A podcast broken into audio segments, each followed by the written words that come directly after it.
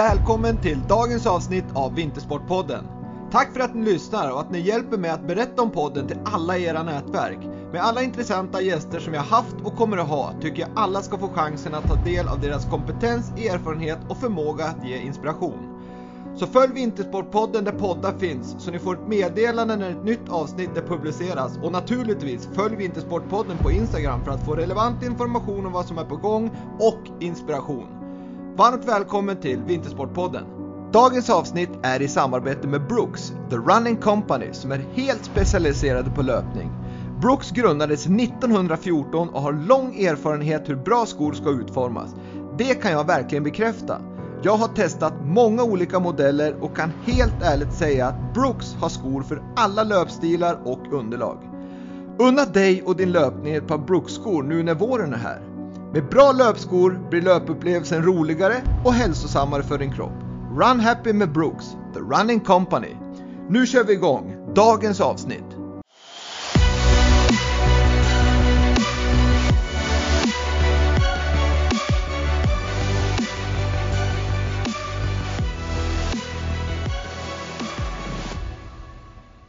Dagens gäst i Vintersportpodden, Sveriges Radio och Radiosportens journalist och grymma dokumentärskapare och Årets Sportjournalist 2018. Välkommen till Vintersportpodden, Alexander Lundholm. Tack så mycket. Vad kul att ha en radiosportare här, det var ja. väldigt kul. Det var väl på tiden va? Absolut, vi har ju haft eh, både idrottare men sen från mediasidan så har vi haft lite tv-profiler här men mm. det ska bli grymt kul att prata med dig Alexander som har Ja, men från, från radiosidan, men som jag tycker personligen och många med mig så är det ju en grym, eh, både journalist men även då att skapa dokumentärer tycker jag är så kul att lyssna på. Vad härligt att höra. Jajamän.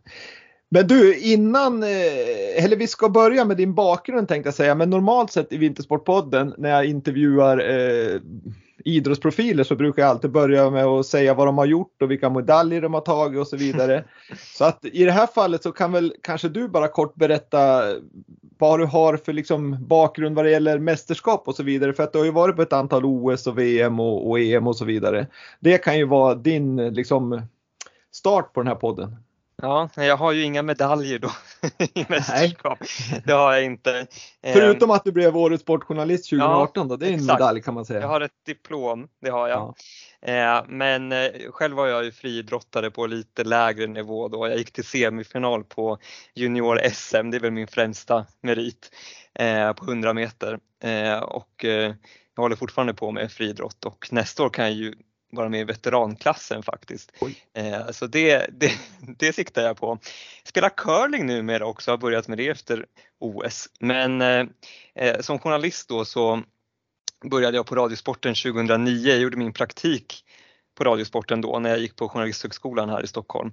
Eh, så då kom jag in här på Radiosporten och eh, eh, kände att jag ville bli kvar här, älskade det från början och blev kvar på vikariat först och sen frilansade jag. Jag gjorde dokumentärer för P1 och ett sportprogram för P3 innan jag blev fast anställd på Radiosporten 2013.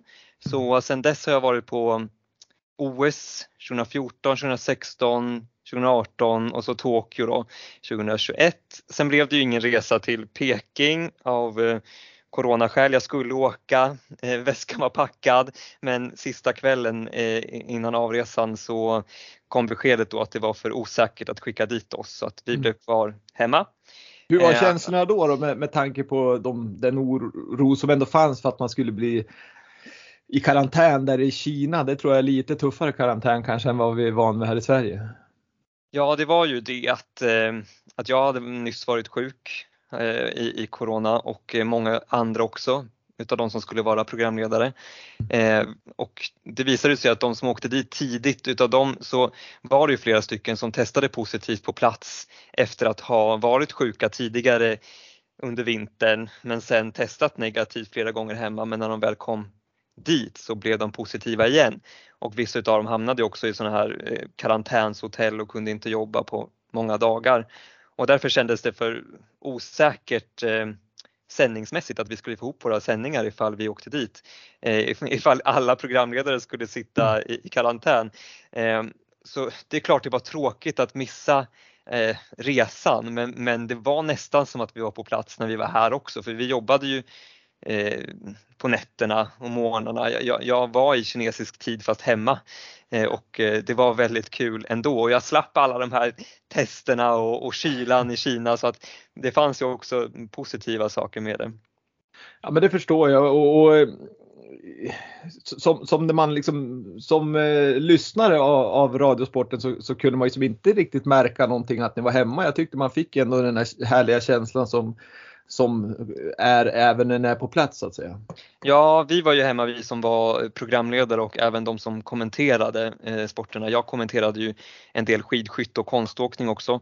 Eh, men vi hade ju intervjureportrar på plats. De var ju mm. där ja, det. Eh, och, och, det skapade ju eh, väldigt mycket eh, bonus förstås att, att vi kunde träffa folk på riktigt, självklart. Men programledare och, och referenter var hemma. Eh, och det är ju skidskytte som jag har kommenterat mest på vintrarna. Eh, jag gjorde mitt första skidskytte-VM 2012 eh, och det är jag och Bengt Skött som gör skidskyttet här på Radiosporten. Eh, och sen är jag ju friidrottskommentator på sommaren eh, och, och det, jag blev friidrottsreferent här 2017 så sedan dess har jag gjort eh, alla de stora utomhusmästerskapen i alla fall i friidrott. Och, och då blir man ju liksom eh, jag, jag i alla fall blir väldigt liksom imponerad av att, att höra att du har gjort fem OS och en massa VM och, och du har gjort väldigt fina liksom, dokumentärer och så vidare. Och så sen tänker man i nästa sekund att du är 33 år. Då tycker jag att fasiken du har gjort mycket saker och ändå vara så pass ung. Ja. Eh, hur, hur liksom eh, om vi kommer till din liksom bakgrund och uppväxt då så, så har jag förstått att, att du bestämde dig ganska tidigt där eh, att, att du ville bli journalist. Mm. Jag minns faktiskt när det var. Det var under Atlanta-OS 96 när jag eh, såg på friidrotten där eh, och, och, kände att jag vill till OS, jag ska till OS. Men jag, jag, var ganska bestämd direkt att jag skulle dit som journalist, att jag skulle bli friidrottskommentator eh, och programledare. Så, så eh, ja, då, 96 var jag väl åtta år då Mm. Eh, och, eh, och började med friidrott och eh, bestämde en väg framåt för, för hur jag skulle bli journalist. Att jag skulle gå på ett mediagymnasium, att jag sen skulle gå Journalisthögskolan och så skulle jag göra praktiken på, eh, på TV-sporten tänkte jag ju då. Eh, men jag följde min plan. Jag gick på Huddinge gymnasiets media, samhälle media och där i ettan på gymnasiet så skulle man intervjua en chef och då intervjuade jag eh, han som var chef på SVTs text-tv och webb, eh, Ulf Nilsson, och gjorde, ett, eh, gjorde en artikel om honom då till skolan. Så jag fick följa med honom en dag där 2005 eh, till, till SVTs redaktion och det var ju som att komma in i himmelriket, liksom det jag hade drömt om i, sen jag var liten, att, att få se de här eh, tv-stjärnorna på riktigt. Så var jag där en dag med honom och skrev den där artikeln och sen ringde han upp mig några dagar senare och frågade ifall jag ville börja jobba där. Oj oj oj vilken grej! Eh, ja, eh, som det kallades för knott. Att, att jag satt på text-tv då och la in målskyttar och resultat. Ja. och, och sådär skytteligor och uppdaterade dem resultatservice och, och målservice. Mm på de här klassiska sidorna då, 377 och framåt. Så där jobbade jag eh, på kvällar och helger när jag gick på gymnasiet och det var ju helt osannolikt egentligen att få sitta där eh, näst, nästintill bredvid Peter Gide och Marie Lehmann och Katarina Hultling och, och André Pops och, och allt vad det var utav de här eh, enorma namnen. Och jag minns, jag tror första dagen som jag jobbade där så blev jag utskälld av Katarina Hultling. jag skrev ut en, en 86 sidor lång resultatlista eh, från en friidrottstävling samtidigt som hon hade bråttom och skulle skriva ut sitt Sportspegelmanus. Ah. Eh, så, så hon var jättestressad och skulle ner liksom. Bara, Vem är det som skriver ut? jag gömde du det kanske? Nu förstår jag att hon blev stressad. Eh, och då, då skämdes jag ju liksom som den ja, men, tonåring som jag var. Ja, det, då, det var jobbigt. Eh, mm. men, men samtidigt var det som att jag, när jag var där då de åren så förstod jag ändå att de här människorna är inga övermänniskor. Liksom. Det är inte helt orealistiskt att ändå kunna jobba med det här. Eh, jag hade ju tränat jättemycket hemma på liksom, eh, att kommentera på låtsas, vara programledare på låtsas. Liksom. Eh, och, och kände att jag hade en bra sport, jag kunde mycket sport och sådär och, och, när jag var där så upplevde jag att ja, men jag kan tillräckligt mycket sport för att ändå platsa på en sportredaktion och det gav mig mycket eh, självförtroende kan man väl säga framåt. Ja men det förstår jag. Men, men som, om man går tillbaks till när du växte upp så föddes du om jag inte är helt fel ute i Botkyrka men du växte upp i Rönning utanför Södertälje. Ja men precis, exakt. Jag ja. bod, bodde mina första år i Hallunda och sen har jag, har jag bott i, i Salem och Rönninge. Mm. Hur, men liksom, eh, var det en bra idrottskultur där bland, bland liksom, ja men i skola och, och i, i, i, på orten där ni bodde? Eller, eller var det någonting som du själv skapade? Nej, men hela min familj är väldigt idrottsintresserad och min pappa var tränare på den tiden för Syrianska i, i fotboll. Eh, och eh, han är ju en fotbollsmänniska som de senaste åren bland annat har varit eh, ungdomsansvarig i Djurgården Fotboll och eh, nu är han eh, eh, föreningsutvecklare inom Riksidrottsförbundet. Och, så att det, mycket kommer ju därifrån såklart och han var ju min fotbollstränare i fem år trots att jag själv hatade fotboll och var helt värdelös. Jag gjorde ett mål tror jag på fem år. Eh, jag spelade hockey också i två år, jag spelade tennis och pingis och eh, allt möjligt. Eh, men, men jag passade inte till någonting. Jag var väldigt blyg och försiktig och, och rädd sådär. Och även inom friidrotten. Jag, sa, jag började med friidrott då 96 och sa väl inte ett ord förrän 2002 eller någonting för att jag var väldigt blyg och, och höll mig undan. Jag trivdes inte alls med det heller men jag ville fortsätta för att jag ville vara snabbast i klassen. Men, eh, men ja, sen, det... sen släppte det och då släppte det rejält. Ja. Men hur, hur, ja det är ju en jäkligt rolig bakgrund att liksom vara så blyg så att man inte säger något på 4, 5, 6 år i, i friidrotten och sen när man idag är tankare på, på radiosporten. det är ju ganska... Jag är fortfarande blyg faktiskt på riktigt utanför jobbet. ja, men, men det visar ju, jag tycker hela din beskrivning av, av din resa be, be, bevisar ju mycket att liksom tror man på någonting och man har passion för det och, och vill det, då, då är det ju nästan ingenting som är omöjligt. Nej, jag tror att jag har varit väldigt bestämd från början och, och eh, haft det här målet och inte haft någonting annat i tankarna egentligen. Mm. Eh, och det, det gjorde väl att jag var 21 år då när jag började på Radiosporten och att jag fick fortsätta sen efter praktiken för det, det är ju inte alla som gör det så. Men jag kom in väldigt snabbt på den här redaktionen och hade bestämt mig för att jag skulle bli kvar och att jag skulle bevisa mig och eh, jag var överambitiös och jobbade extra för att allting skulle bli så bra som möjligt och eh, ja, den ambitionen är klart att den gjorde att jag eh, blev kvar här och att jag har varit här då sedan jag var 21. Mm. Men jag tänker på du beskriver ju ändå att du har hållit på, även om du inte tyckte om fotboll och du var inte så jättebra på, på andra idrotter kanske sådär, förutom friidrotten då som du ändå var, liksom kom bra placerad sådär. Men, men hur, hur viktigt är det tycker du i ditt yrke som, som eh, i det här nu då radioreporter att, att kunna liksom kunna och förstå känslan av att idrotta. Jag menar friidrotten förstår jag, där kan du ju ändå liksom gå tillbaks till någonting som du själv har utfört och ha en känsla av hur det är att springa ett 100 meters lopp eller kanske häck eller vad det nu är. Men skidskyttet, hur, hur känner du där liksom? Hur, hur kan du skapa någon form av förståelse och känsla när man kanske inte eh, har åkt skidskytte själv? Nej, det är en bra fråga. Jag har testat skidskytte och åker skidor så men, men framförallt så mitt skidskytteintresse bygger ju på, eh, på Magdalena Forsberg egentligen och att jag såg alla hennes världscuptävlingar med, med eh, eh ja, på TV då, eh, även på, på skoldagar att jag tvingade, vår lärare, eller tvingade, men vi, vi drog in TVn i, i klassrummet ibland och tittade på världscupen i skidskytte. Ja, det var som Stenmark, Stenmark ungefär? Ja exakt, så var det på Rönninge skola ibland. Eh, och eh, ehm, det gällde inte bara skidskytten, men jag kommer ihåg att jag låg hemma och grät den dagen när Magdalena Forsberg sköt på fel tavla.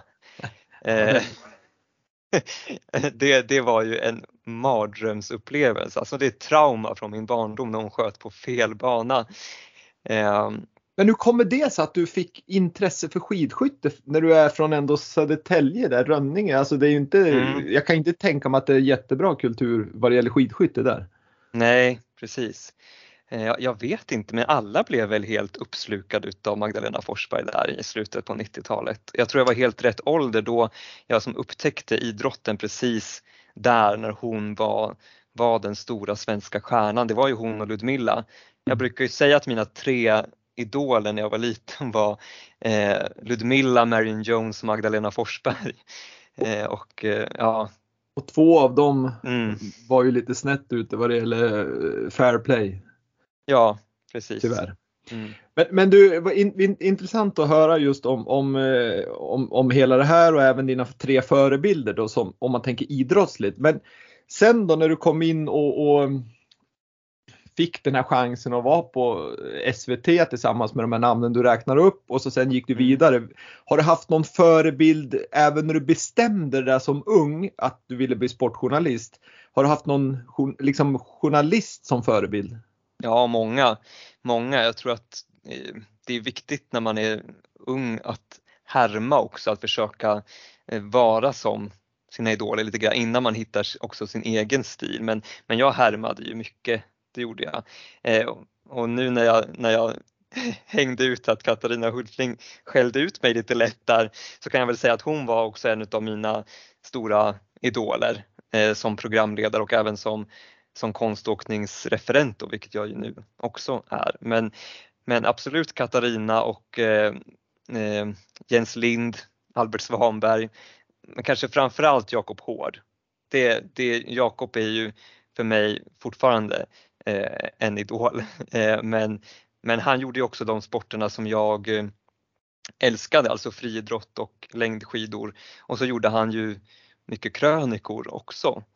Eh, så att jag spelade ju in alla krönikor från den tiden och tittade om och om igen. Jag kan OS i Sydney-krönikan utan till i stort sett och den gjorde ju Jakob då. Eh, men och så, när det gäller radio så, så går det inte att komma ifrån att, att Lasse Granqvist självklart är, är en enorm idol. Mm. Eh, så de namnen och sen skulle jag också nog säga Kattis Ahlström och Pernilla Månsson Colt som jag tycker de två är tycker jag, enorma programledare. Så att som programledare har, har jag verkligen eh, idoliserat dem också.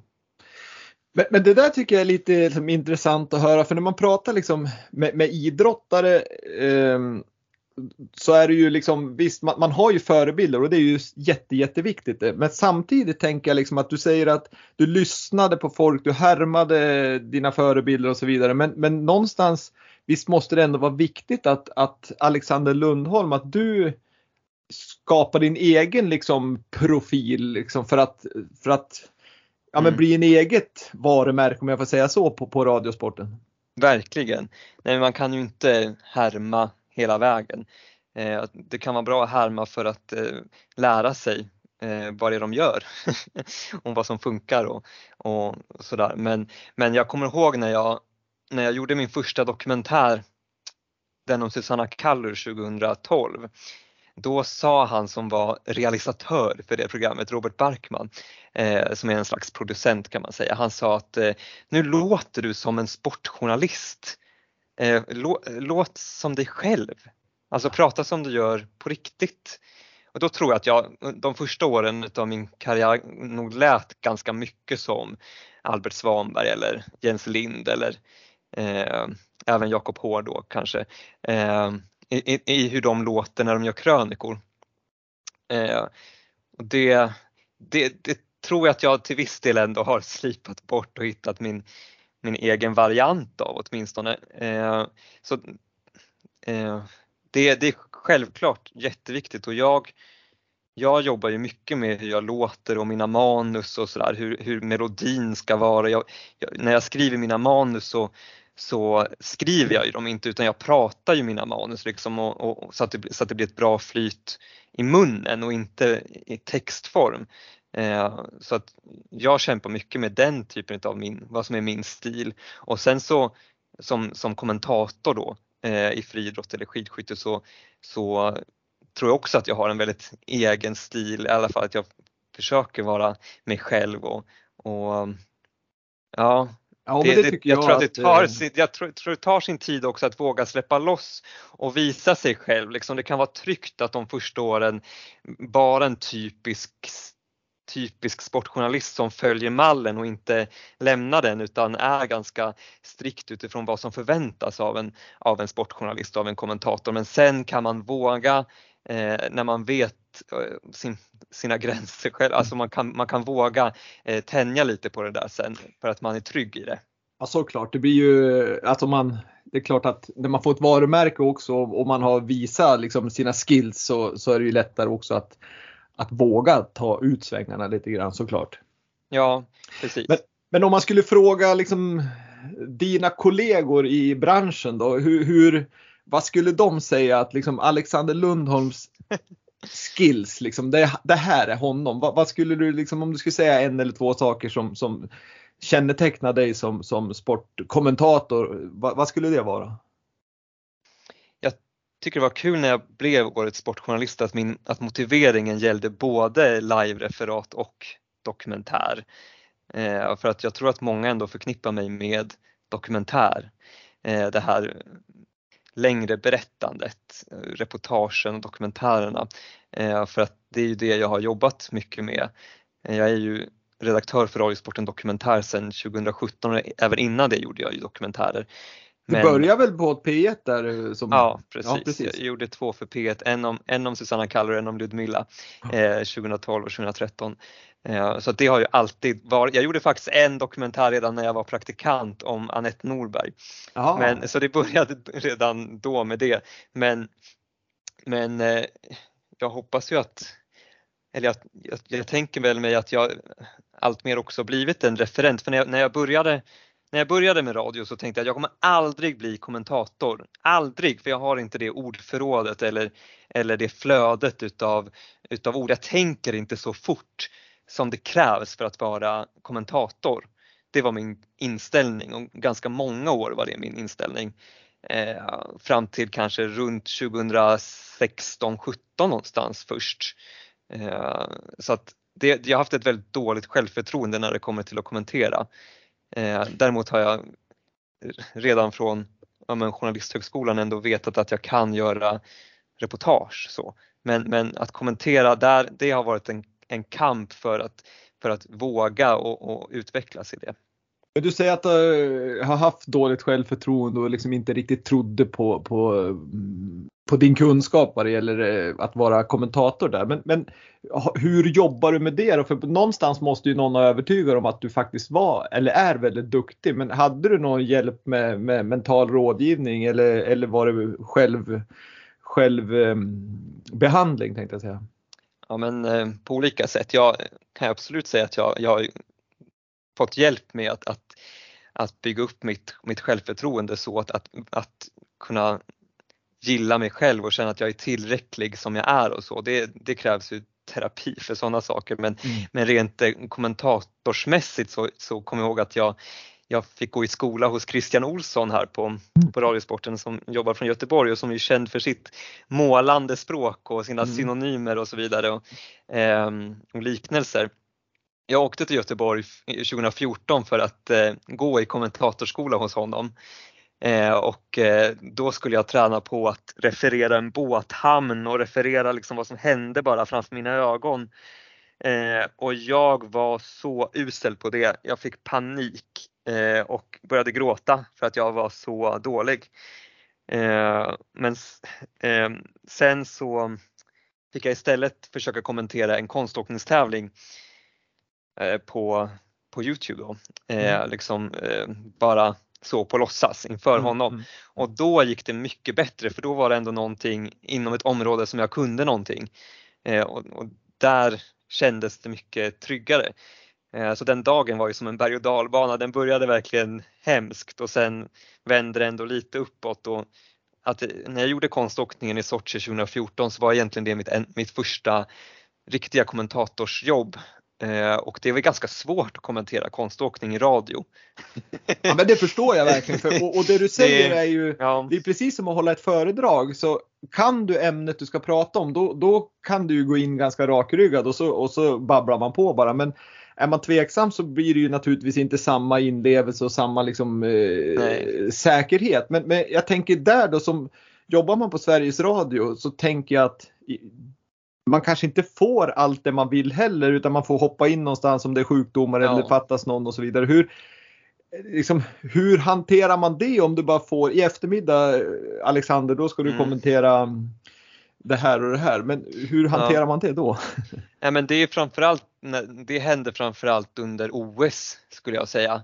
Då kan man kastas in i någonting ja, jag hamnade på judo tror jag, eh, OS 2016 och eh, även eh, tyngdlyftning. Mm. sporter som är väldigt långt ifrån vad jag behärskar egentligen. Eh, och eh, då, då gäller det ju att Alltså vi gör ju sällan saker i sin helhet liksom, utan vi kommer ju in, ofta gör inhopp från saker och vi kastas mellan sporter och då är det lättare att, att bara sammanfatta vad som redan har hänt istället för att kanske referera det som händer precis nu för då, då kan jag ju gå vilse liksom. Så då, då gäller det att göra det så lätt som möjligt och, och mera eh, berätta om ställning, meriter, histo historiken istället för att försöka kasta sig in i ett live-referat. Eh, så, så, det, så försöker jag väl tänka.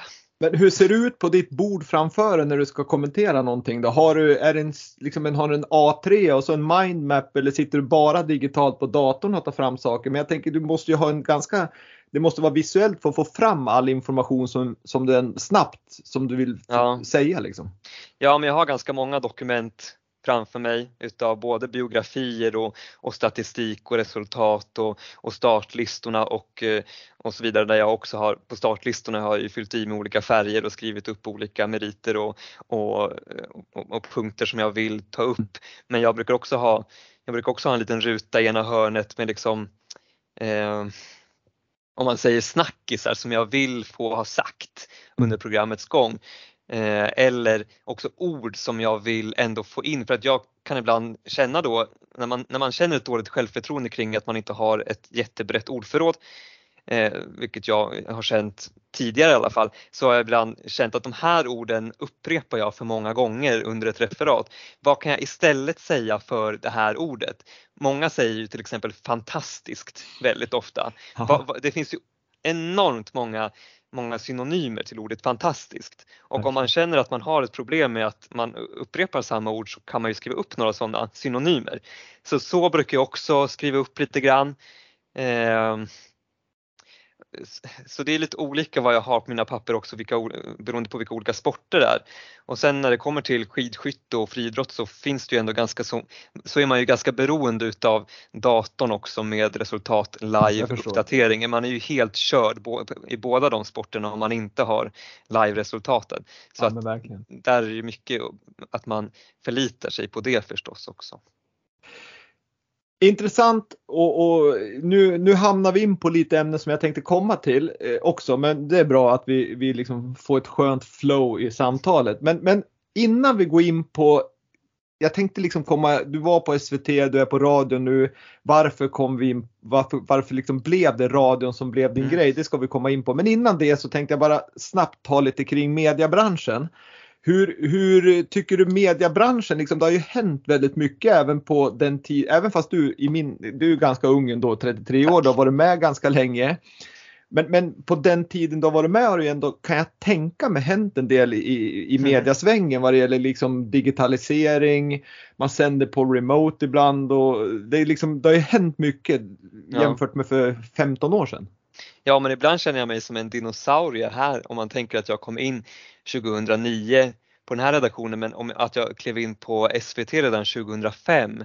Det var, det var ju någonting helt annat då. Då var ju då, då, då, var ju webben inte särskilt utvecklad överhuvudtaget utan då var det ju text-tv man jobbade med och jag, jag satt ju där då som resultat eh, eh redaktör eller vad man ska kalla det för och, och, folk ringde ju in till mig för att berätta vad ställningen var i olika matcher. De ringde ju från bandyns elitserie och, och vissa damallsvenska matcher och sådär och, och berättade att, att det hade blivit mål och, och, och, och vad ställningen var efter ett visst antal hit och sådana grejer. Alltså det existerar ju inte idag och det är inte så länge sedan. Och det här är ju inte 1910 Nej, utan det här precis. är ju 2005, 2007 någon ja, gång där. Ja, och, eh, och hela den Eh, webbutvecklingen och sociala medier som har varit under den tiden jag eh, har varit här på Radiosporten. Eh, det var ju väldigt få som jobbade digitalt på den tiden här och, och, och sociala medier fanns ju fanns väl knappt överhuvudtaget. Nu, nu fokuserar vi väldigt mycket på poddar som inte fanns på den tiden. det känns ju också helt obegripligt att tänka på för det har ju utvecklat radiomediet väldigt mycket och, och sättet att nå ut också med sociala medier som vi också jobbar mycket, mycket med nu. Och sen också det här med att, att, att kunna sitta mer på hemmaplan och, och referera, alltså att vi gjorde det här OSet nästintill helt på hemmaplan. Eh, det möjliggörs ju av att, att man kan att man kan få direktbilder ifrån Kina och eh, att man får miljöljudet som man kan lägga under så att det låter som att vi är på plats och sådär. Så att, får ni det i en separat fil, som, alltså ja, miljöljudet då? Ja, ja precis. Exakt, så lägger men, man det under. Mm. Ja, men jag tänker på, på den här utvecklingen då som, som, som inte liksom, det, det vet ju alla om i samhället vilken, vilken utveckling som har varit, men jag, jag, jag kan ändå tänka mig som sportjournalist att, att vissa tycker nog att det har blivit tråkigare att vara sportjournalist med, med den här digitaliseringen. Att man kanske inte behöver vara på plats lika ofta och mm. det är en mm. helt annan metod att jobba på. Men, men hur känner du själv? Har det blivit bättre och lättare måste det ha blivit att jobba som du säger att du kan sitta hemma. Men hur, hur känner du kring det här med liksom känslan att vara sportjournalist idag jämfört med för 15 år sedan? Ehm, det finns många fler möjligheter nu att bli publicerad så att säga. Eh, att vi kan ha de här fördjupande poddarna exempelvis är ju, tycker jag, en enorm lyx. Eh, och eh, det utvecklar ju vårt koncept. Eh, och sen så har ju vi på Radiosporten fortsatt att skicka folk på mästerskap och det var ju tänkt att vi skulle vara ja, nästan till 30 pers på OS nu i Kina och, det, och vi var ju lika många som vanligt, om inte fler, i, i Japan i, i somras. Så att för oss har ju den utvecklingen inte gått bakåt eller vad man ska säga. Sen så när det gäller till exempel skidskytte och, friidrott som jag jobbar med så gör vi ju fler tävlingar idag för att man kan göra dem hemifrån. Det blir ju inte lika bra. Att göra friidrott från en tv-skärm är ju nästintill omöjligt. Det vet ju alla som har tittat på friidrott och vet att eh, det inte alltid är det man vill se som visas i bild. Precis. För det pågår ju fem saker samtidigt och, och höjdhopp och stavhopp och sånt där kan de ju visa i repris många minuter senare om, eller liksom inte alls alls. Det kan ju vara så, det var ju en kväll i Bryssel tror jag när Armand Duplantis hoppade för världsrekord och det visades inte live. Inte, inte ett enda hopp under hela kvällen visades i, i bild överhuvudtaget och där satt vi och skulle kommentera det. Det var ju ja, omöjligt samtidigt som andra sporter kan vara ja, ganska rimliga att sitta hemma och göra, alltså skidskytte och, och längdskidor till exempel där man faktiskt sitter och, och tittar på en skärm även om man är på plats på arenan så sitter man ju ändå och tittar på TV för att kunna följa vad som händer. Friidrott sitter man ju hela tiden och tittar ut på arenan för att till exempel under EM 2018 så var det att Michel Tornéus och Tobias Montler hoppade längdfinal i ena hörnet, Daniel Ståhl och Simon Pettersson kastade diskus eh, i, i, i det hörnet och Fanny Roos i kulfinal och Miraf Bata sprang samtidigt runt på 10 000 meter och kunna ha den, den typen av split vision går ju inte via en, via en tv-bild. Då. Nej, nej, och sen en annan sak som jag tänker, men vi, vi ska komma in på det mer, men jag, jag, bara vill koppla på det nu när vi ändå är inne på det, att någonting som måste vara, eller som man måste vara duktig på tror jag, eller känner jag som lyssnare när man, när man är radiokommentator, det är ju just det du säger lite grann, att, att få den här, hur får man den här känslan ut till lyssnarna Eh, kring, vi säger att du skulle kommentera tyngdlyftning eller friidrott, vi tar friidrott. Mm att, att få känslan på arenan hem till radioapparaten ja. i, i hemmet. Att, att det, jag förstår, är det på plats då är det mycket lättare att få det här som du säger och där, där kör, mm. kastar eh, Daniel Ståhl sitt andra kast och det är långt utan att det sänds i tvn. Men, mm. men det får du ju som du säger inte på tv. Så det, det gäller ju att eh, det, det, måste ju vara en väldig utmaning då för att få hem känslan till lyssnaren. Ja, självklart. Jag tror att, det, att känslan blir mycket bättre av att vara på plats. Jag tycker att man kan höra det på de flesta referat. Vilket som var på plats och vilket som inte var det.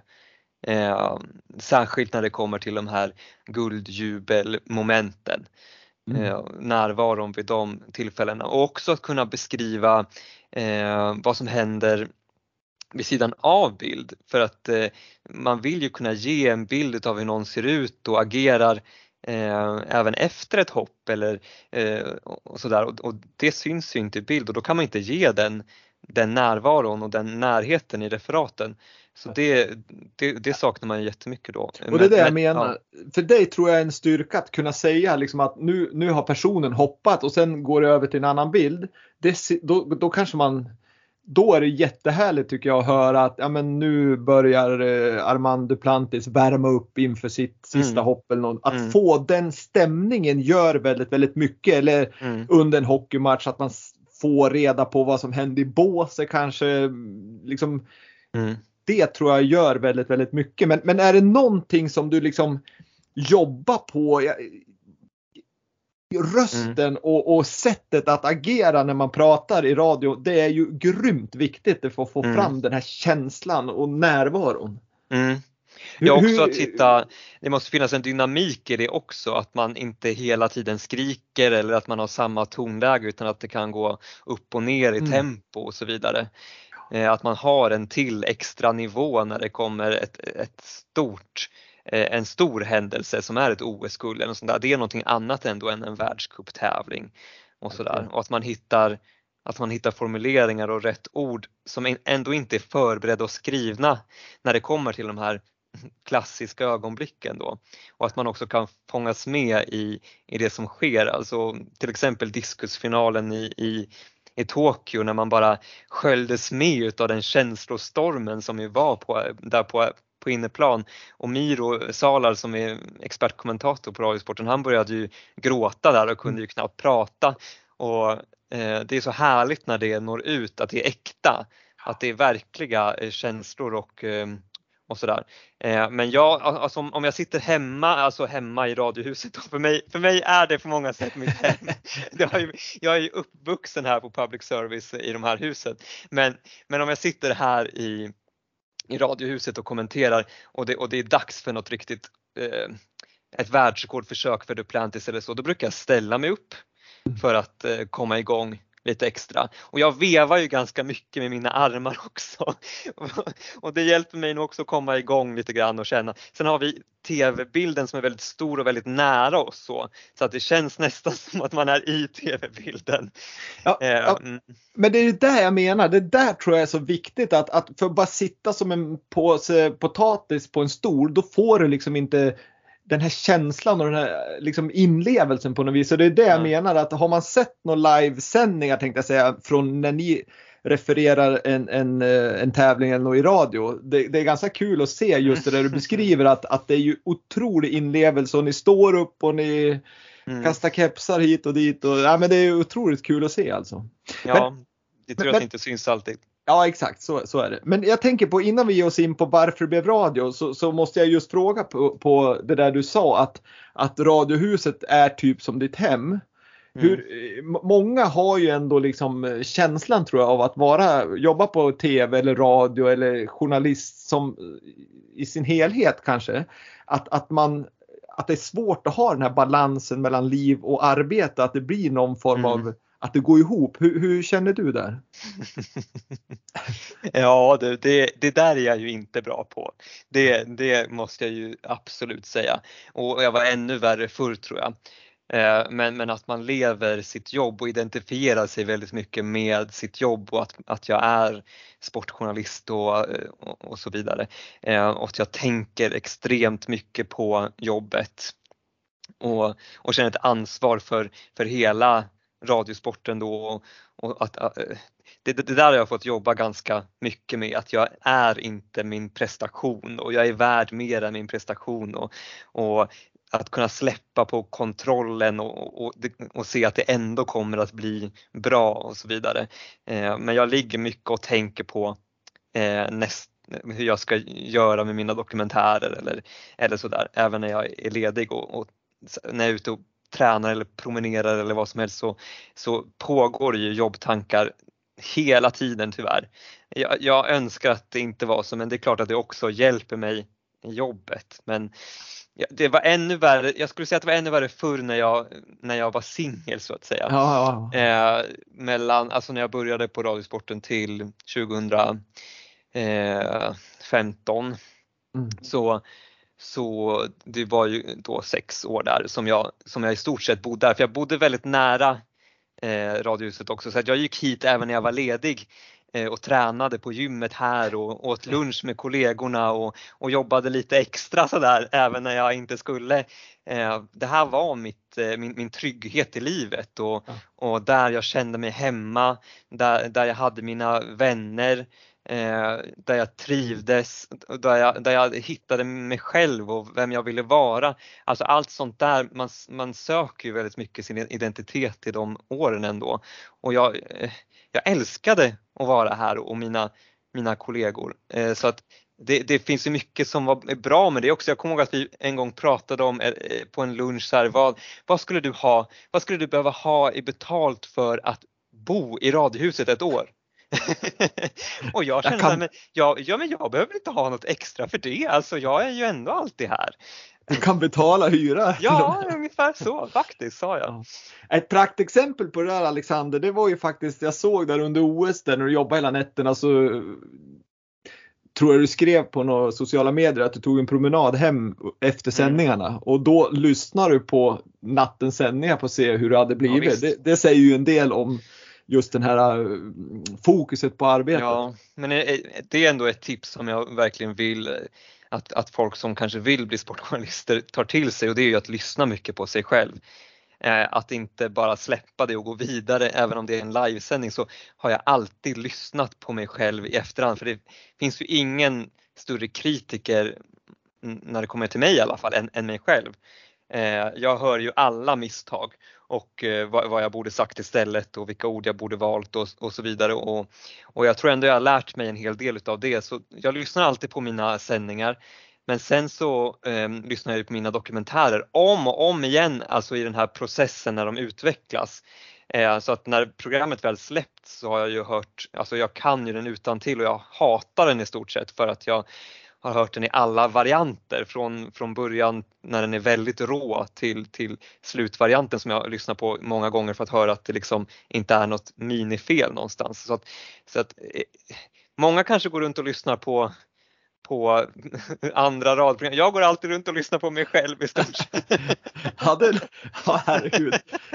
Men jag, jag, förstår ju också att det är ju någon form av så här äh, yrkesstolthet att det ska bli bra och, och, man vill ju liksom precis som en snickare vill lämna ett hus äh, väldigt, väldigt fint som man har gjort så vill ju du lämna ifrån dig någonting väldigt, väldigt bra liksom, ja. i, i, ditt yrke så att säga. Men, men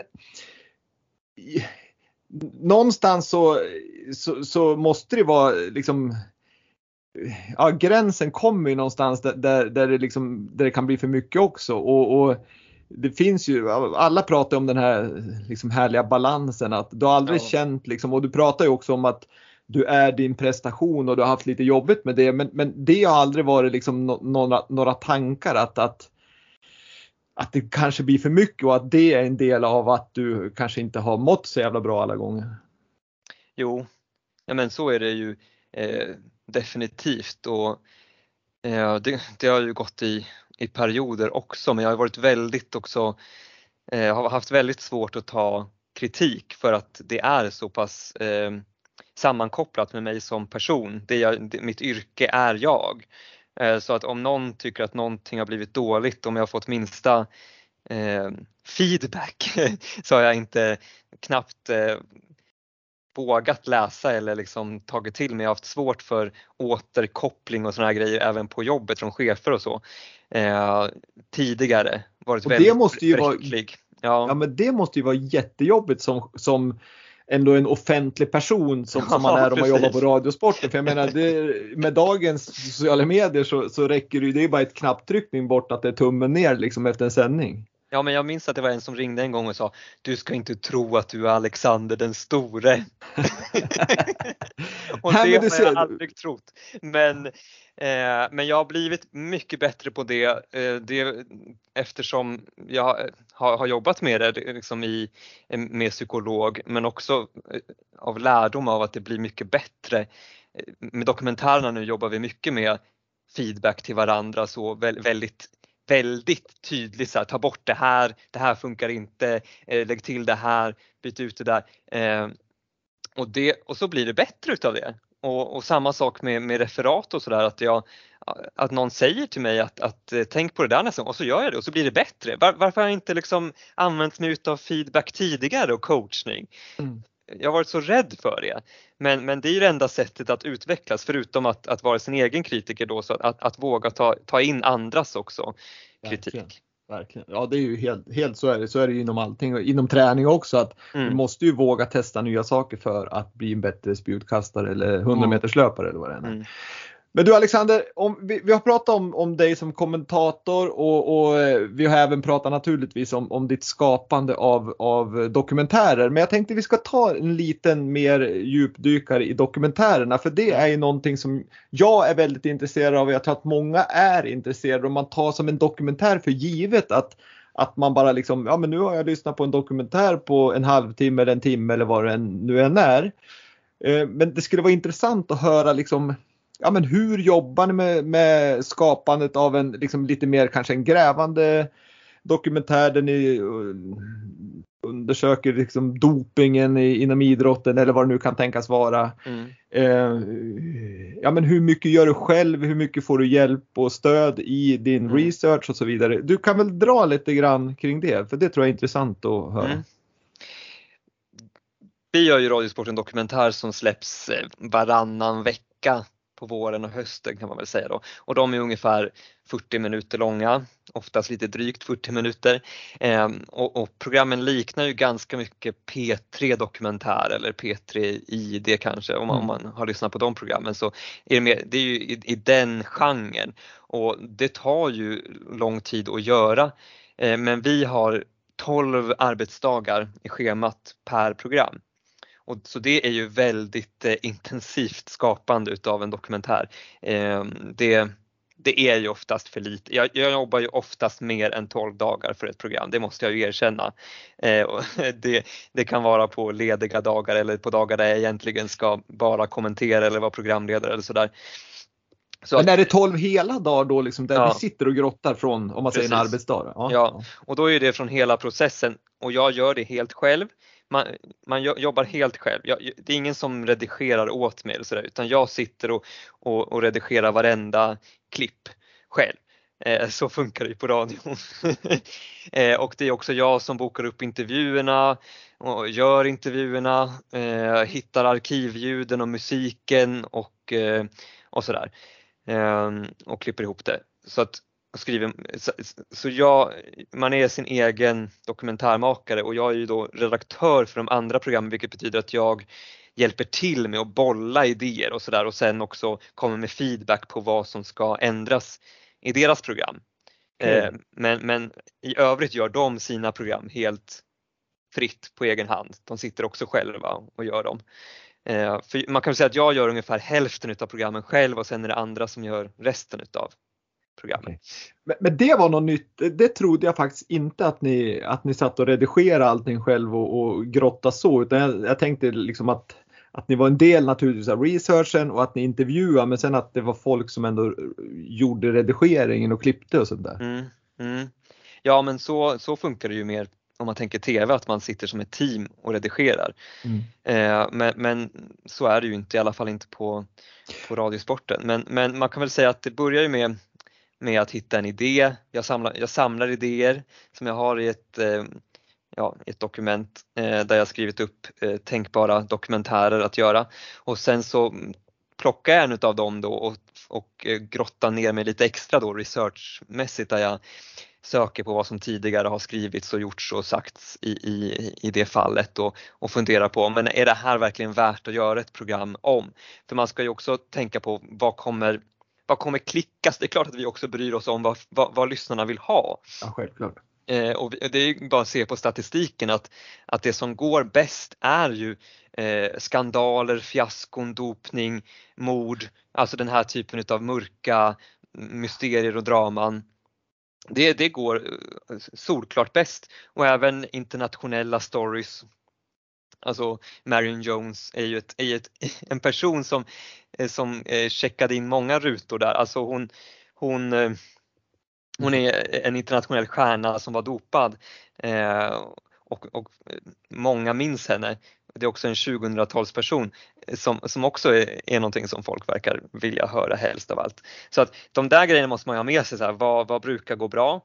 Men sen brukar jag liksom bara gå utifrån vad jag själv är sugen på också. Mm, mm. Eh, Men har du fria man, tyglar ja. därifrån, jag tänker från Sveriges Radio och dina chefer, har du liksom i stort sett eh, fria, fria liksom, fritt vad du vill göra eller, eller har de mycket åsikter om vad du hittar Nej, på? Men jag är väldigt lyckligt lottad att jag har eh, så pass fria tyglar som jag har. Alltså, och som jag haft länge på Radiosporten. Det är, det är ju faktiskt väldigt unikt tror jag att, att jag, jag gör i stort sett vad jag vill.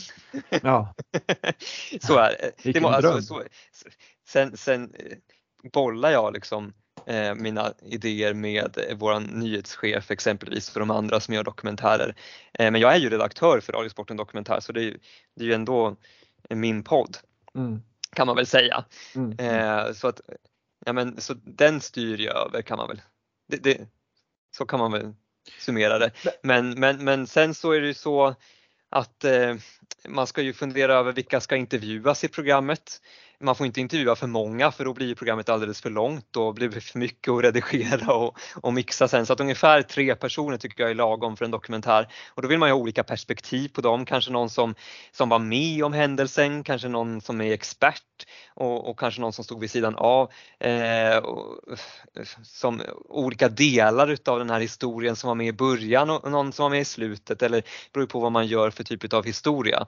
Mm. Eh, om, det, om det är, är en, över en hel karriär, över ett helt liv om någon eller om det bara är en händelse, eh, eh en tävling eller så som man ska göra någonting om. Så det, det är väldigt olika vad man vill ha för röster. Men hur, hur, du säger att du letar reda på alla själv och kontaktar dem och bokar intervjuer och så vidare. Hur, hur, svårt är det? Jag tänker det är ju de namn du har. Om du tar Marion Jones kan det inte ha varit helt superlätt att få tag i. Marion Jones? Nej. nej, nej precis. Det är ju väldigt mycket lättare att få tag på de svenska eh, stjärnorna såklart. Mm. Eh, men jag tycker inte alltid att det är så viktigt att ha med själva huvudpersonen heller. Särskilt inte om det är en, en internationell person eller någon som eh, någon skandaliserad dopad som ändå inte vill prata så, så kan det ju ge minst lika mycket att, att ha andra röster om den här personen tycker jag. Eh, och så kan man använda dokumentären, dokumentären kring Mühlegg där, det var ju ett, och, och, få tag i honom var ju en, en rejäl resa. Jag kommer inte ihåg vart han, ja, i Brasilien befann han sig till slut. Ja. ja, så då var ju i det programmet var ju eh, Ludvig Holmberg som numera är på Viaplay, han var ju med i det programmet för att berätta om hur han hittade Mühlegg. Mm, exakt. Eh, så varje gång är det inte vi själva som har, som har träffat en person på nytt och gjort en ny intervju. För att eh, det är också så att de här programmen ska bli klara på 12 dagar. Man hinner inte eh, ägna månader åt att leta efter en människa i Brasilien.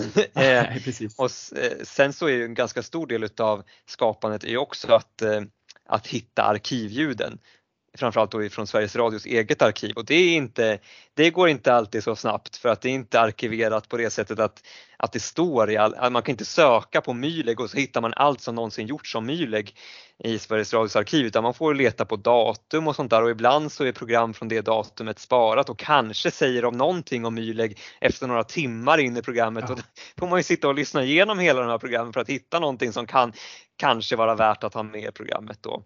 Jag så förstår att, att det tar tid alltså.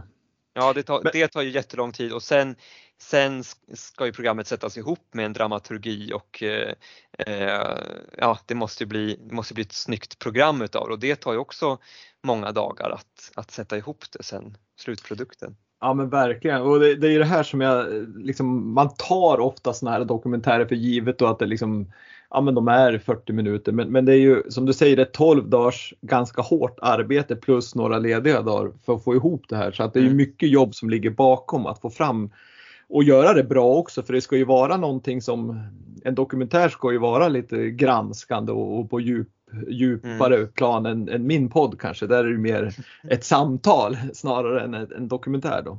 Även om du gräver just nu i mitt liv. exakt, exakt, exakt. Ja. Nej, men så det är ju, det är ju kul att, att höra liksom arbetet och för mig förvånar det faktiskt att, att det är så mycket liksom ensamt arbete som, som är att jag, jag trodde ni var ett större team och där, där man liksom som reporter eller som dokumentärreporter att man gjorde mer ja, men, intervjuerna ja. och kanske hade idén om, om dokumentären men inte liksom allting med boka intervjuer och, och redigera och, och så vidare. Det var lite förvånande. Nej och det är ju Alltså om man jobbar med radio så det är ju det är inget lyxliv att jobba på radio. Det är mycket eh, slit eh, som man kanske i andra medier då har hjälp av researchers eller bokare eller, eller producenter eller så här. Här, är, här är man själv på ett annat sätt och det gillar ju jag till viss del för att eh, jag, jag tycker om att sitta själv och pula med mina program. Alltså jag sitter i en egen studio och, eh, och jobbar eh, ostört. Mm. Eh, och, och jag gillar att, att, att fila på övergångarna i programmet och lägga musik, musiken under, hitta exakt rätt musik och exakt rätt stämning och känsla. Att, att skriva ett manus som flyter och leder in till nästa ljud och inte känns som bromsklossar.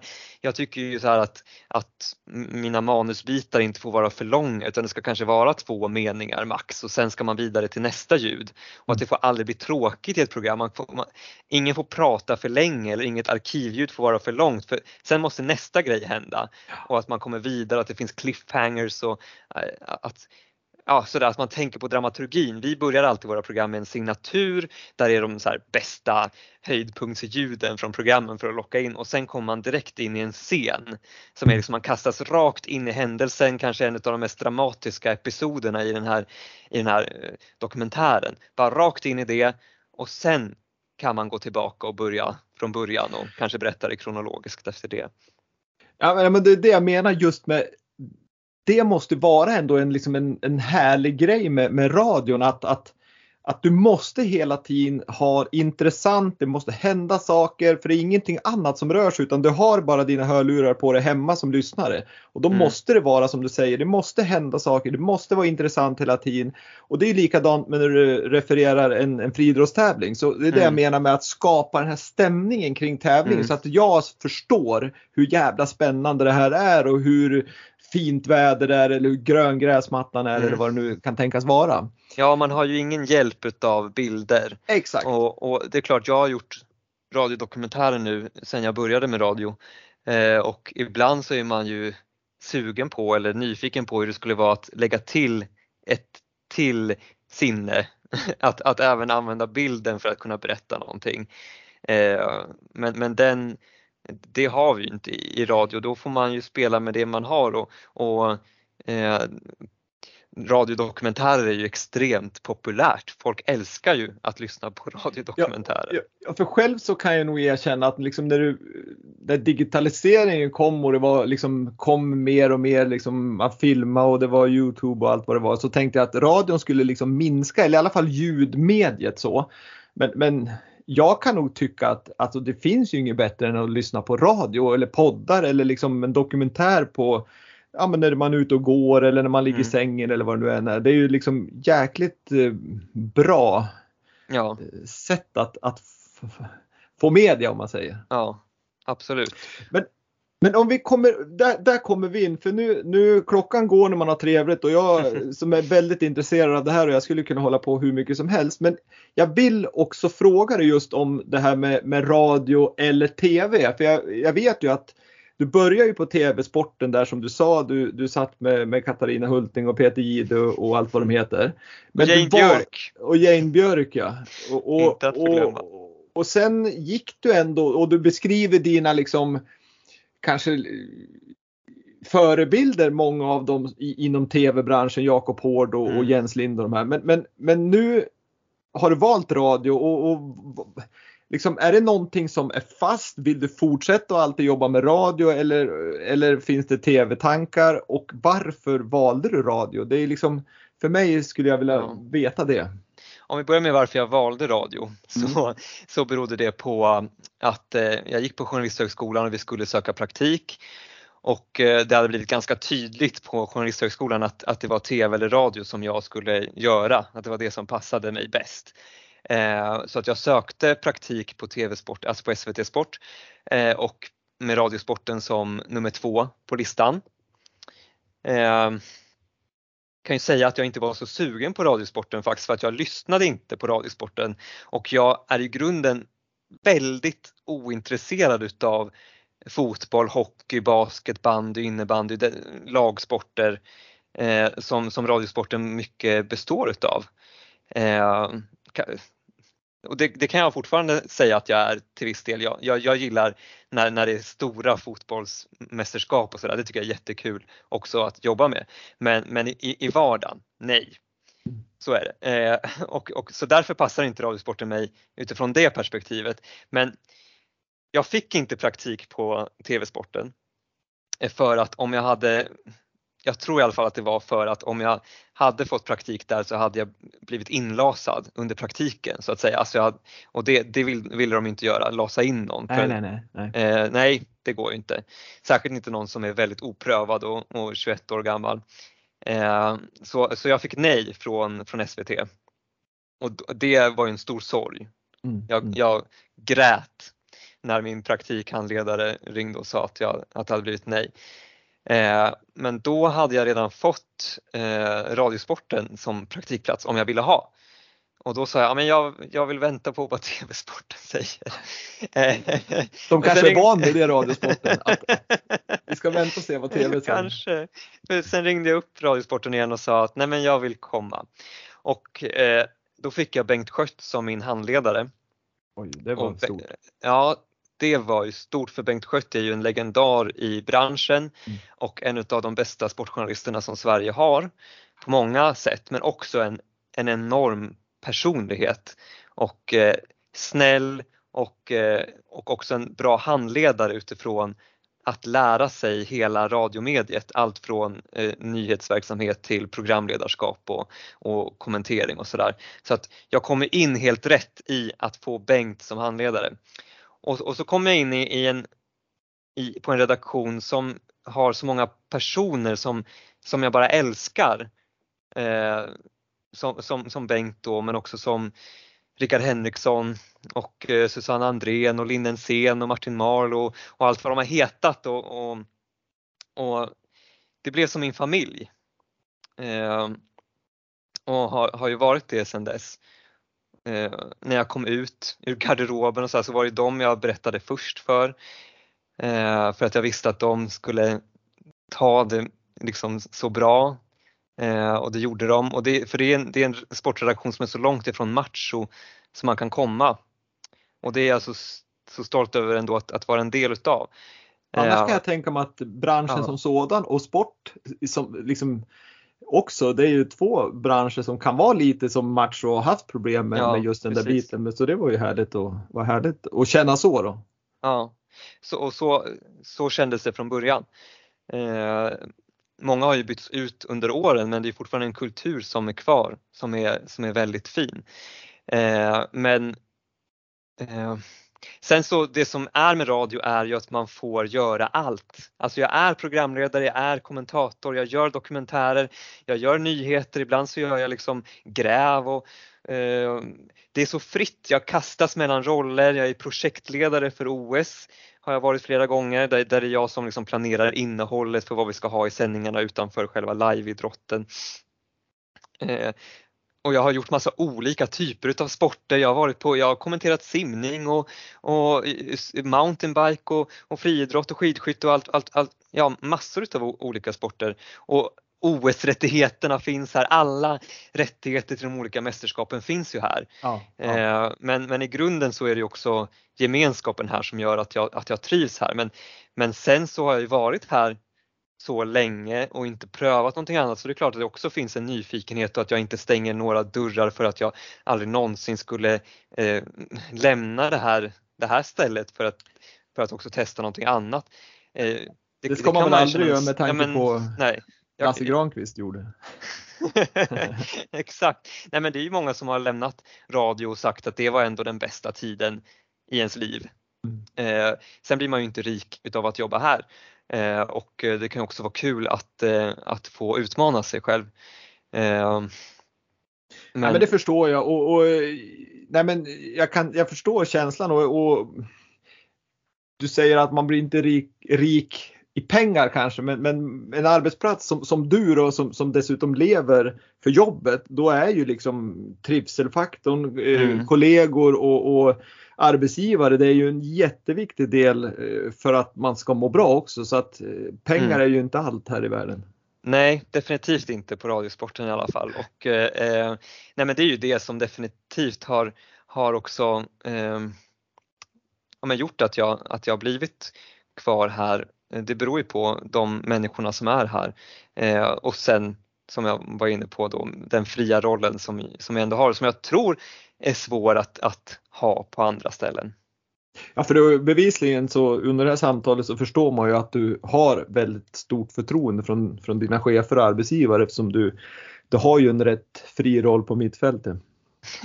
Ja, jag är glad så länge det varar. Ja, men jag, jag, har också läst någonstans om om det inte var för eh, sporten och, och det du håller på med där så har du ett stort intresse för politik. Ja. Är det någonting som du skulle liksom kunna seriöst eh, ge dig in på liksom för att också göra ungefär samma jobb fast mot det politiska hållet? Jag är mycket mer intresserad av politik än av sport. Eh, förutom, förutom friidrott och skidskytte och längdskidor kanske någon mer sport eventuellt. Men, men eh, jag lyssnar bara i stort sett på politiska poddar. Jag lyssnar på massor av politiska poddar och lä läser väldigt många eh, böcker. Nästan alla mina böcker jag har hemma är om politik och eh, älskar att läsa Torbjörn Nilsson i Svenska Dagbladet och Viktor Bart Kron i, i Expressen och ja, olika längre reportage om, om politik. Eh, så det är det jag gör på min fritid. Eh, men jag tror att det skulle förstöra lite grann mitt intresse utav politik att, eh, att jobba med det. Mm. Ja, så kan det bli också. Ja, det, för det på ett sätt har ju, har ju sporten förstörts utav att det är ett jobb. Jag kan ju inte titta på sport utan att tänka på att det är mitt jobb. Jag kan inte titta på en friidrottssändning utan att tänka på, jaha nu säger de så här Eh, det där borde jag ju ha sagt och, eller det där ska jag säga nästa gång och det, det, det blir ju ett jobb att titta på sport. Precis och sen kan du väl, du kan väl vinkla lite sport mot, mot det politiska för det ja. hänger ihop. Speciellt nu i de här tiderna när det har varit Corona så är sporten väldigt beroende av politiska beslut och det är man ja. väl i stort sett också. Men Många av mina redan... dokumentärer är ju idrottspolitik. Ja, eh, absolut och, och, den senaste och den jag håller på med nu och blev klar med idag är mm. väldigt mycket eh, nutida eh, politik och jag tror jag kan säga att den handlar om eh, Vitali Klitschko, borgmästaren i Kiev.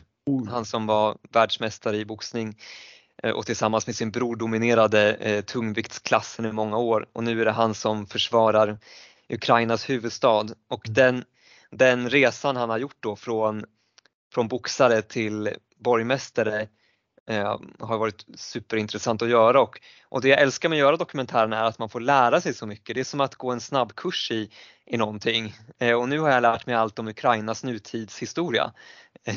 Ja men jag förstår det. Olika för... revolutioner och så vidare och det har varit superkul. Ja verkligen och det är lika, det är som, nu är det inte samma sak det jag håller på med men jag lär mig också väldigt mycket mm. om personerna men även att man lär sig ja, men om ditt yrke nu, det, det, är liksom en stor del av, av eh, min behållning är ju att lära sig mer saker helt enkelt. Ja, det har jag fattat mer och mer här på slutet för att jag, jag, jag dras till att göra program som är lite mer svåra, ibland mm. omöjliga och så avancerade på det sättet att det krävs mycket research och, och, att läsa på för att det ska bli bra och då, då lär man sig väldigt mycket mer än om man bara gör ett program som handlar om något gammalt klassiskt guld eller mm. eh, så nostalgiglitter. Eh, jag är inte så fäst vid det längre, jag vill mer göra program som handlar om eh, nutid som har en, en historia som man, man kan backa tillbaka för att lära sig om det som sker nu. Eh, och, och även då ha den här idrottspolitiska vinkeln på det. Det är sådana typer av program som jag vill göra och som jag kommer göra nu under våren, flera olika typer av teman som är på gång. Högaktuellt ämne och väldigt viktigt ämne och jag förstår att du, du brinner för och du gör det sjukt bra ska jag bara säga. Så där fick du positiv feedback, då, då mår du bra. nu är det dags för den andra typen eller? nej då, nej för fasiken. Nej men vi, tiden går som jag sa och vi måste börja avrunda lite här. Men jag, jag, har, jag, har, jag har fått in eh, lyssnarfrågor och många handlar ungefär om samma saker. Och det är kring dels liksom, vi har en Edvin som frågar om eh, vilken journalistutbildning anser du vara bäst? Ja, bra fråga. Jag, jag trivdes ju väldigt bra på JMK här i Stockholm men jag vet ju att det är andra eh, utbildningar som kanske har längre radio om man vill jobba med radio, så mm. att det finns längre radiokurser på andra ställen. Jag har föreläst för olika radioskolor eh, men min lillebror som nu också är utbildad journalist gick på Södertörns ehm, eh, journalistutbildning och var nöjd med den. Eh, så det finns ju många, många olika varianter och jag tror att man får titta efter lite grann vad som man vill ha för specialitet. Så vill man jobba mycket med radio kanske man ska söka en, en radioutbildning mer än, än en bred, eventuellt. Ja. Sen kan det ju alltid vara svårt i ung ålder och kanske oerfaren att veta exakt vad man vill. Ja, men, alla men, kanske men, inte har eh, bestämt sig från början. Nej, har man gjort nej. det som du, då är det ganska enkelt att man går en väg kanske. Men, men annars så finns det säkert lite bredare. Jag tror att det är bra att gå någon där också i en lång praktik att komma ut på. Mm. Jag hade ju en praktik som var en hel termin och då kom man in i, på en arbetsplats och in i arbetsuppgifterna och då är det lättare att sen få fortsätta jobba där. Tycker du att eh, branschen som sådan tar emot eh, praktikanter för att de känner att det är viktigt för framtida försörjning av, av kompetent personal? Och billig arbetskraft. Ja. Men, eh, ja, jag tror att det, det, är, det är ju praktikanter som kommer in överallt och det är ju jättebra och vi har en praktikant varje termin. Eh, och det är ju ett väldigt bra sätt att komma in på en på en redaktion jämfört med att komma in som sommarvikarie där man inte alls får samma typ av introduktionsmöjligheter. Eh, det är som att man under en hel då vår eller höst eh, utbildas till att bli en radiosportsmedarbetare och det är inga krav från början utan ja, man, man, det blir som det blir och man kanske blir bättre allt eftersom. Om man kommer in som sommarvikarie så är det mer att man måste prestera från början. Mm, jag förstår. Men, men och sen en annan fråga som jag också har fått. Den är ju, den, vi har pratat om den ganska mycket men, men, och den hänger ihop med den första. Men när man har gjort sin utbildning till journalist och kanske även innan då som du beskriver att du började tidigt att lyssna på, på referat och gjorde dina egna och så vidare. Men vilken bana ska man välja liksom för att bli sportjournalist? Och då tänker jag på liksom du pratar om att utbilda sig, man ska göra praktik, men man måste ju även göra andra saker som du kanske också har gjort, att du har ja. gjort på eget initiativ mycket. Ja, men jag tror att det är extremt viktigt att ha en bred sportkunskap, både om nutid och dåtid, att, att ha en grund, att veta att Lugi är ett handbollslag även om man inte är intresserad av handboll. Jag tror det är bra att ha, att ha ett visst hum om många olika sporter eh, och sen kan man ha, och det är bra, att ha en, en specialkunskap, ett djup i någonting. Eh, som jag har då med friidrotten framförallt. Eh, men, men särskilt om man ska jobba inom public service sport så eh, är det, nej men det är grundläggande att man har det breda och särskilt kanske på radiosporten där man, där man sänder mycket live och måste ta saker i stunden och det kommer in telegram under sändningen som man bara ska kunna värdera då direkt. Och då ska man kunna lite uttal på folk. Man kan inte göra bort sig och, och uttala en storstjärna fel bara för att man inte är intresserad av just den sporten. Uh, så att, nej, verkligen inte. Ja, jag håller med. Så det, så det är, eh, tycker jag, så här, A och O, att man, att man, om man ska ha praktik eller kommer in på, på sportjournalistiken, att man, att man har en bas i kunskap. Och, och, och, det är ju som precis som att hålla på med idrott eller, eller jobba inom ett, en annan bransch, liksom ett vanligt, om jag får säga vanligt yrke utanför idrotten så är det ju i grund och botten någon form av, av passion och, och tycka om det man gör för att man ska bli riktigt bra. Ja visst, men, men, men jag, jag ser en fara i att allt för många är väldigt specialiserade, att man bara kan fotboll exempelvis. Mm. Eh, bara kan NHL-hockey eller vad det nu kan vara, för då blir man så smal. Och eh, just när det gäller kanske fotboll och hockey kan man kanske klara sig i de här uh, mer genrespecifika eh, programmen eller kanalerna. Så, eh, det finns ju sajter för hockey och fotboll. Och, ja, men, men eh, om man ska jobba på, i riksmedia eh, på en sportredaktion som också Aftonbladet eller Expressen eller DN eller vad det nu kan vara, då mm. tror jag att man måste ha en bredd. Ja, det förstår jag verkligen. Superbra tankar eh, Alexander och eh, jättebra mm, samtal tycker jag. Det är otroligt intressant att höra och som, som jag sagt några gånger så skulle jag kunna stå här i flera dagar och prata med dig för att jag tycker det är ett intressant yrke och ni gör ett jättebra jobb att förmedla idrotten till oss lyssnare. Det, det ska du och dina kollegor ha all cred för. Ja men tack, jag hade också kunnat prata hur länge som helst. Ja det är bra. Ja, du, du är van att prata. Men innan vi slutar här Alexander så ställer jag en fråga till alla mina gäster och den ja. tänker jag även ställa till dig och du får svara på den frågan utifrån ditt perspektiv. Det är ju liksom alla se, kommer från olika vinklar i den här podden. Mm. Men den är ganska enkel och det kräver ett kort svar och den frågan är så här att kan du säga en framgångsfaktor för att lyckas med idrott brukar jag säga, men för att lyckas med ditt yrke får jag väl säga till dig då? Oj, ja det, det, det, det, det är ju svårt. Det är någonting av allt jag har sagt under ja. det här programmet kanske, men, men eh, eh, alltså sport är ju både underhållning och viktigt. Alltså det är viktigt för folk att det blir rätt, att det blir bra, men man får inte glömma att sport ska vara kul också. Mm. det brukar Roger Burman som nu går i pension härifrån säga, sport är kul. ja, men... och det, det måste man komma ihåg eh, faktiskt hela tiden. Det, det, så, så, är det faktiskt och det var ju någon som faktiskt blev intervjuad. Jag tror det var Ulf Samuelsson, gamla hockeyspelaren, som sa någon gång när, när, när journalisten sa att det var katastrof när Tre Kronor förlorade mot Vitryssland. Eller ja, ja. Och då sa han ganska tydligt att det är inte en katastrof när man förlorar en idrottsmatch, det är när folk dör. Och det tycker jag är liksom bra att ha med sig på något vis. Ja, man måste ha perspektivet men samtidigt komma ihåg att sport betyder allt för många och att sport kan betyda mycket också i politik och liknande så att man får inte heller liksom förminska det. Nej. Stort tack Alexander Lundholm för att du var med i Vintersportpodden och jag Wille Berlin önskar dig all lycka med dina kommande referat och dokumentärer och livet som sådant. Tack, tack. Kanon. Hej då! Hej då!